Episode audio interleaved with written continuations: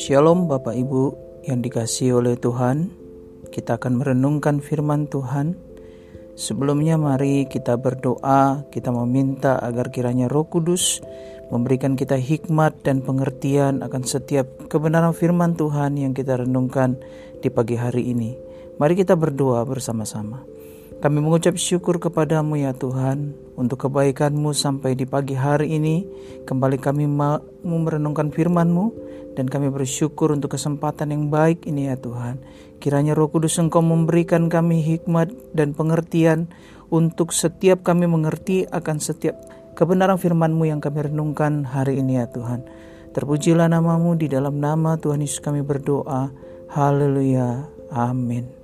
Bapak Ibu, kita sudah sampai di dalam kitab Mazmur pasal yang ke-62 Bapak Ibu. Saya sungguh meyakini bahwa setiap Bapak Ibu yang dengan setia mendengarkan renungan ini setiap paginya Bapak Ibu mendengarkan renungan dari setiap pasal dari kitab-kitab yang berbeda dan kita sudah sampai di dalam kitab Mazmur yaitu Mazmur pasal yang ke-62 saya percaya Bapak Ibu semuanya telah diberkati dan menjadi bertumbuh di dalam iman kepada Tuhan Bapak Ibu. Bapak Ibu mari kita akan membaca Mazmur pasal yang ke-62 ayat yang pertama sampai dengan ayatnya yang ke-5 Bapak Ibu Saudara. Saya akan baca untuk Bapak Ibu, Bapak Ibu bisa mendengarkan atau Bapak Ibu juga bisa mengikuti saya membaca Mazmur pasal yang ke-62. Begini firman Tuhan, untuk pemimpin biduan menurut Yedutun Mazmur Daud. Hanya dekat Allah saja aku tenang, daripadanyalah keselamatanku. Hanya dialah gunung batuku dan keselamatanku, kota bentengku aku tidak akan goyah. Berapa lama berapa lamakah kamu hendak menyerbu seseorang, hendak meremukan dia, hai kamu sekalian, seperti terhadap dinding yang miring, terhadap tembok yang hendak roboh? Mereka hanya bermaksud menghempaskan dia dari kedudukannya yang tinggi. Mereka suka kepada dusta, dengan mulutnya mereka memberkati, tetapi dalam hatinya mereka mengutuki. Bapak Ibu Saudara, Mazmur pasal yang ke-62 ini beberapa penafsir dan juga beberapa toko yang membaca Mazmur 62 mengatakan bahwa salah satu yang menjadi latar belakang daripada ditulisnya Mazmur 62 adalah karena Daud pada saat itu sedang dikejar-kejar oleh anaknya sendiri yaitu Absalom. Absalom mengejar Daud dan kemudian ingin membunuh Daud. Lalu di dalam situasi yang seperti itu, dalam situasi terjepit, dalam situasi masalah seperti itu, Daud menuliskan Mazmur ini sebagai deklarasi imannya dan sebagai kepercayaannya kepada Allah bahwa di balik persoalan yang dia sedang alami, sikapnya seperti apa sehingga dia menuliskan Mazmur pasal yang ke-62.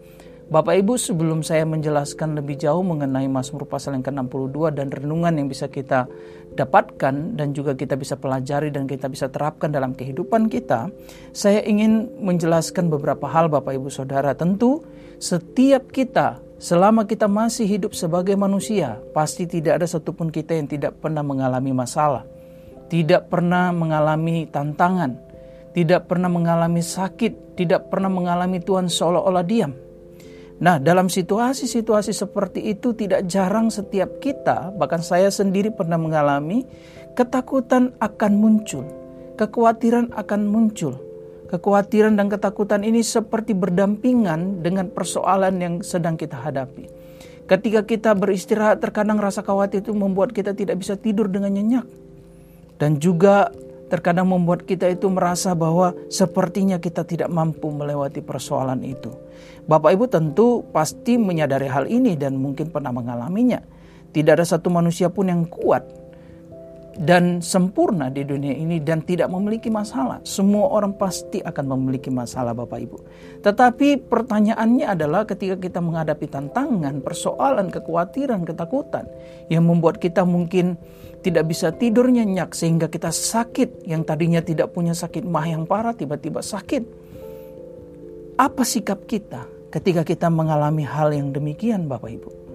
Hari ini kita akan belajar dari seorang yang bernama Daud yang sedang dikejar-kejar oleh anaknya sendiri untuk dibunuh. Daud mengatakan di dalam persoalan yang sedang dialami, ketakutan, kekhawatiran, kesedihan karena anaknya sendiri menentang dia, mengkudeta dia, dan mau membunuhnya. Dia mengatakan begini, Aku takut, aku memiliki masalah, tetapi hanya dekat Allah saja aku tenang. Daripadanya lah keselamatanku. Hanya dialah gunung batuku dan keselamatanku, kota bentengku, aku tidak akan goyah. Berapa lamakah kamu hendak menyerbu seseorang hendak meremukkan dia, hai kamu sekalian seperti terhadap dinding yang miring, terhadap tembok yang hendak roboh? Mereka hanya bermaksud menghempaskan dia dari kedudukan yang tinggi. Mereka suka kepada dusta, dengan mulutnya mereka memberkati, tetapi dalam hatinya mereka mengutuki. Daud di dalam ayat-ayat yang pertama, di dalam ayat yang kedua, dan ayat yang ketiga, dia mendeklarasikan sikapnya, mendeklarasikan imannya. Persoalan yang dialami olehnya tidak membuat dia goyah, tidak membuat dia menjadi khawatir terus-menerus, karena dia memiliki Allah yang memberikan ketenangan dan sumber keselamatan, dan merupakan gunung batu dan kota benteng yang teguh yang dapat membuat Daud tidak goyah. Lalu ayat yang keempat sampai dengan ayatnya yang kelima. Daud mengutarakan apa yang sebenarnya terjadi.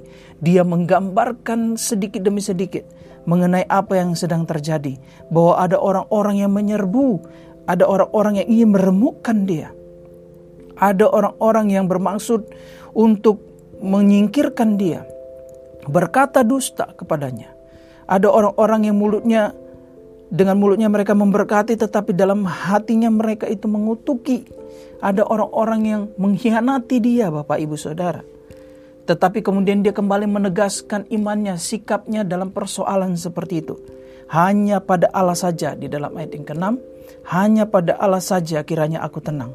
Sebab daripadanya lah harapanku. Daud menyadari betul bahwa dalam persoalan yang sedang dihadapi tidak ada satupun orang yang dapat memberi pengharapan baginya.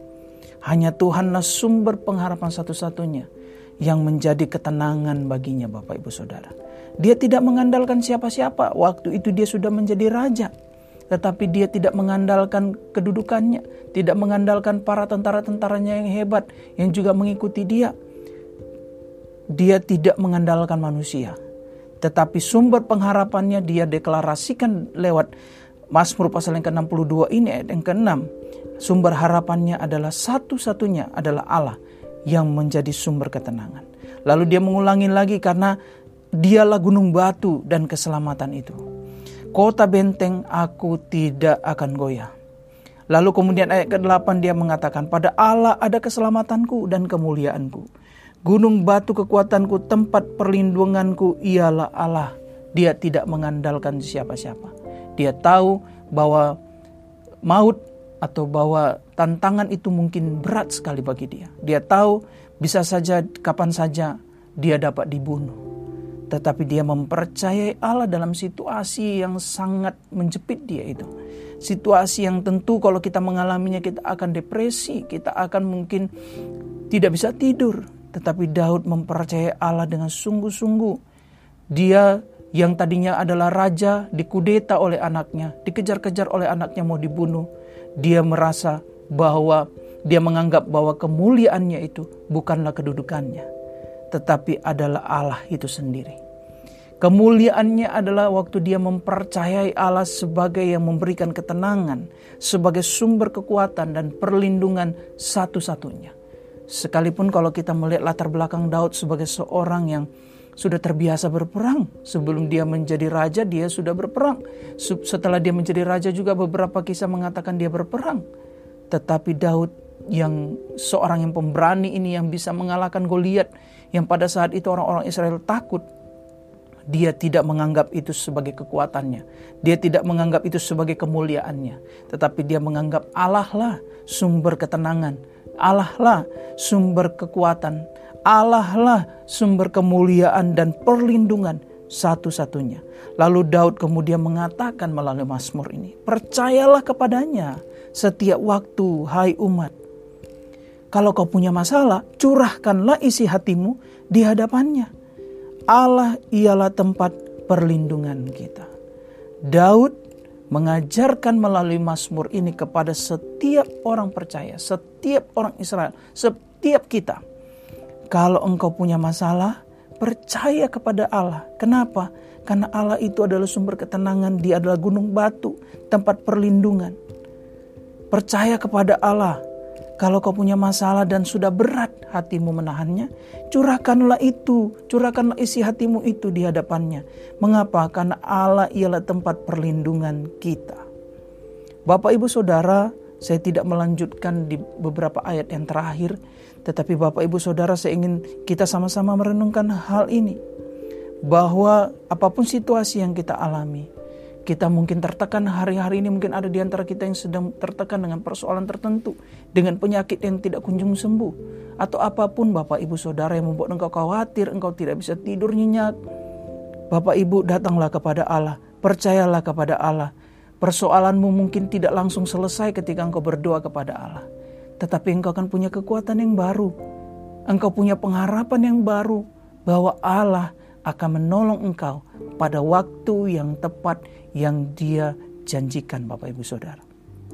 Kita belajar daripada Daud yang dikejar-kejar, yang dikudeta, dan dihanati oleh orang-orang sekelilingnya. Tetapi di dalam situasi yang seperti itu, di dalam situasi yang begitu sangat menyedihkan itu, dia tetap percaya bahwa Allah adalah sumber ketenangan itu. Allah adalah sumber keselamatan, perlindungan satu-satunya. Dan Allah adalah tempat kita mencurahkan isi hati. Bapak Ibu Saudara kalau engkau punya masalah, jangan buru-buru cerita kepada orang lain. Bukan bukan berarti tidak boleh cerita atau curhat kepada orang lain, apalagi mungkin adalah gembala atau mungkin adalah pendeta pendeta Bapak Ibu boleh saja Bapak Ibu cerita minta dukungan doa. Tetapi hal pertama yang harus engkau lakukan ketika engkau menghadapi persoalan itu, datanglah kepada Allah, percayalah kepada Allah, dan berdoa dan curahkan isi hati kepada Allah. Karena Allah itu adalah Tuhan yang mendengarkan doa dan akan menjawab doa sesuai dengan kehendaknya dan dalam waktunya. Amin Bapak Ibu Saudara. Mari kita belajar daripada Mazmur pasal yang ke-62. Kita menerapkan prinsip-prinsip ini di dalam kehidupan kita. Apa pun yang terjadi dalam hidup kita, Allah lah sumber ketenangan itu.